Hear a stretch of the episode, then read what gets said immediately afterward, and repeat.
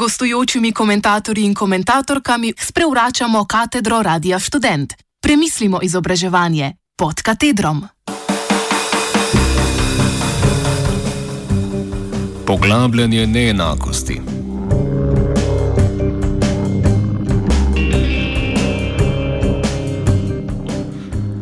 Ministrica Simona Kustec je 4. januarja gostovala v oddaji Studio City in ob tem povedala, da smo rekorderji z vidika sposobnosti in usposobljenosti izobraževanja nadaljavo.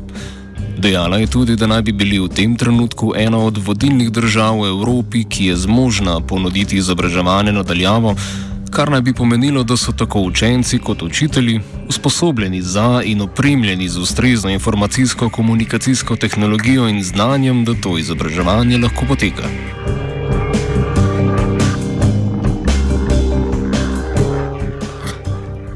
V nadaljevanju se bomo spraševali, ali je temu res tako, oziroma ali imajo vsi osnovnošolci, dijaki in študenti sploh dostop do opreme za delo nadaljavo, brez katere je v trenutnih razmerah šolsko oziroma študijsko leto praktično nemogoče.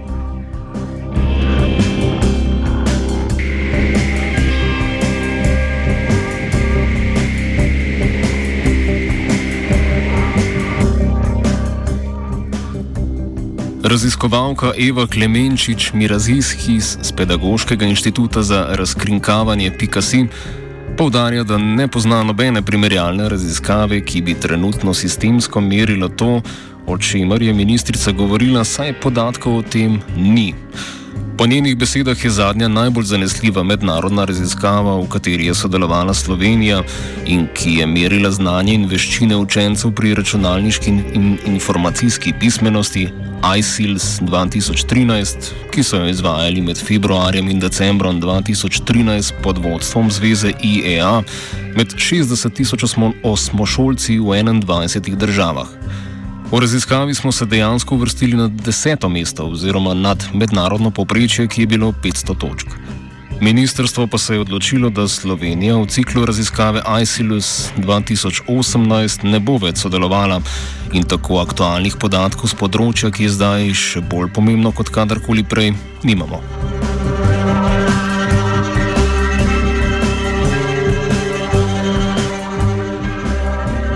Potem pa se pojavlja še pomembnejše vprašanje.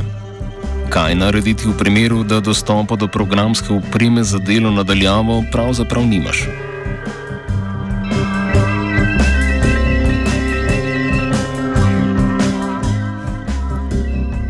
Vprašanje je v veliki meri povezano tudi z ekonomskim stanjem posameznikov, pri čemer UNICEF opozarja, da je že pred pandemijo leta 2019 pod pragom tvegane revščine v Sloveniji živelo kar 41 tisoč otrok.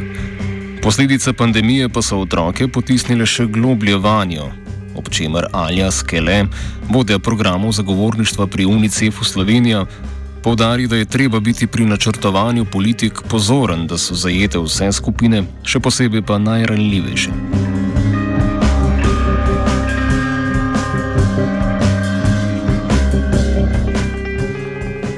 Ob tem pa opozorimo, da tudi družine s povprečnim prihodkom načeloma nimajo računalnika za vsakega družinskega člana. V trenutni situaciji namreč veliko staršev opravlja delo preko računalnika od doma, vsi otroci pa ga nujno potrebujejo tudi za spremljanje pouka preko Zuma, kar je v primeru, da nima vsak svojega računalnika, težko uskladiti.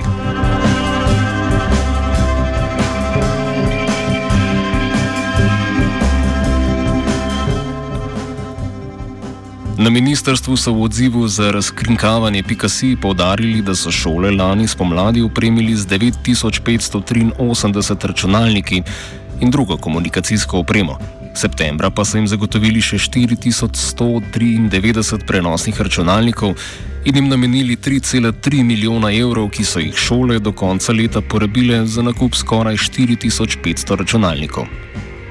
Ob tem pa Janez Vogrinc, dekan Ljubljanske pedagoške fakultete, opozarja, da je stanje še vedno daleč od idealnega, kaj šele, da bi bili, kakor pravi ministrica, rekorderji v možnosti izvedbe pouka nadaljavo.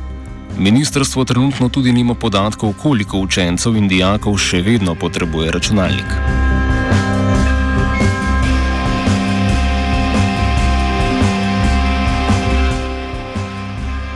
Centr za preiskovalno novinarstvo Oštro je 7. decembra objavil informacijo, da po podatkih Ministrstva za izobraževanje, znanost in šport najmanj 3700 učencev in dijakov nima računalnika za učenje nadaljavo, kar predstavlja 1,4 odstotka vseh, ki so v preteklem letu obiskovali osnovno in srednjo šolo.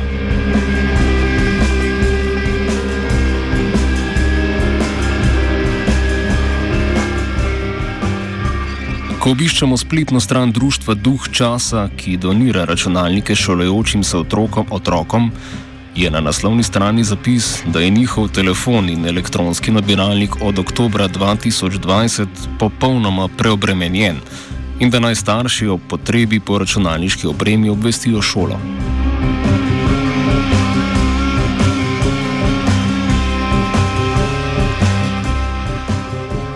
Oktobra lani smo na spletni strani Sindikata vzgoje, izobraževanja, znanosti in kulture Slovenije, krajše SWIZ, lahko prebrali zapis matere, ki je v času prvega vala novega koronavirusa v sosednji gimnaziji, ki jo obiskuje eden od otrok, prosila za izposojo prenosnika, a ga žal niso imeli na voljo.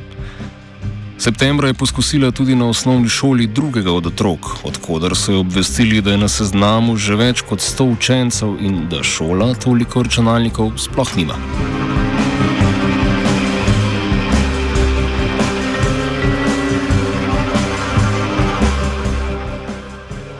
Videti je torej, da trditev poslanke SDS Mojce Škrinjar, ki je 2. novembra na 27. seji parlamentarnega odbora za kulturo zatrdila, da imajo vsi učenci za učenje nadaljavo računalnike in modeme, ne drži.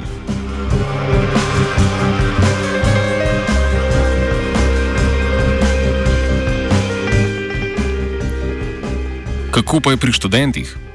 Za uštro je 30. decembra ministrstvo sporočilo, da se je na njih zaradi pomankanja računalnika za učenje nadaljavo od izbruha epidemije do sredine decembra obrnila le ena študentka, in sicer aprila. Je pa med 30. marcem in 5. aprilom študentska organizacija Slovenije, krajše ŠOS, med 1091 študenti iz različnih visokošolskih zavodov opravila spletno anketo o težavah pri študiju nadaljavo. Pri tem je sodelovalo največ študentov z treh največjih univerz, mnenje pa so podali tudi študenti z drugih univerz, pri čemer je 22 odstotkov vprašanih odgovorilo, da ima velike težave z računalniško opremo. Skoraj polovica pa, da ima težave s spletno povezavo.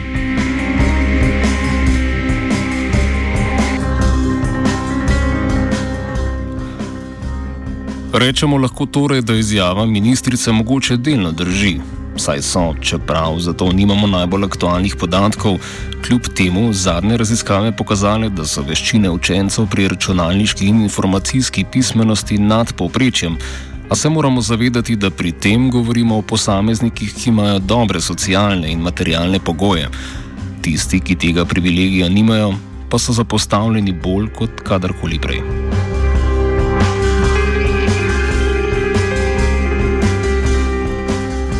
O neenakih izhodiščih je razmišljala vajenka Tana pod mentorstvom Hane.